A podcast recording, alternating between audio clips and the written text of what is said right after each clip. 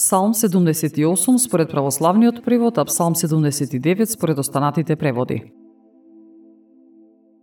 Боже, незнабожците дојдоа во Твоето наследство. Го сквернија светиот Твој храм, Ерусалим, го претворија во урнатини. Мртвите тела на Твоите слуги им ги дадоа како храна на птиците небески, а телата на Твоите свети и на земните зверови. Ја пролија нивната крв како вода околу Ерусалим и немаше кој да ги погребе. Станавме за подсмев на соседите наши, страм и подбив за оние што се околу нас. До кога, Господи, ќе се разгневуваш постојано? До кога ќе гори љубомората Твоја како оган? Излего гневот свој врз народите што не те познаваат и врз царствата кои не го призиваат името Твое. Зашто тие го испојадоа Јакова и местото негово го пустошија.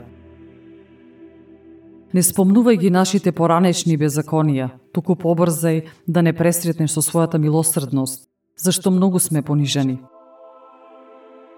Помогни ни Боже, Спасителе наш, поради славата на името Твое, избави не и очисти не од гревовите наши заради името Твое.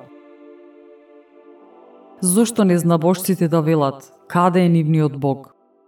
Барем пред очите наши да ја видиме од маздата на незнабожците за пролеаната крв на Твоите слуги.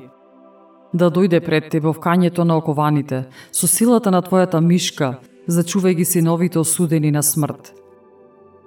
Седумкратно, Врати ги во пазувите на нашите соседи хулењата, со кои те хулеат Тебе, Господи, а ние пак, народот Твој и овци од Твоето пасиште, вечно ќе те славиме од род во род ќе те разгласуваме за Тебе похвала.